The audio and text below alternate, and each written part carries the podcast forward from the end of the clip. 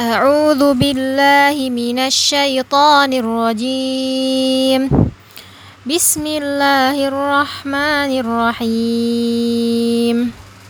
والتين والزيتون وطور سينين. وهذا البلد الأمين. لقد خلقنا الإنسان في أحسن تقويم.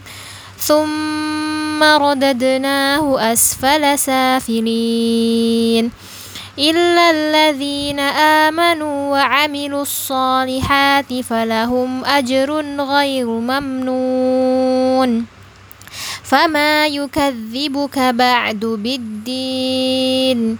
أليس الله بأحكم الحاكمين؟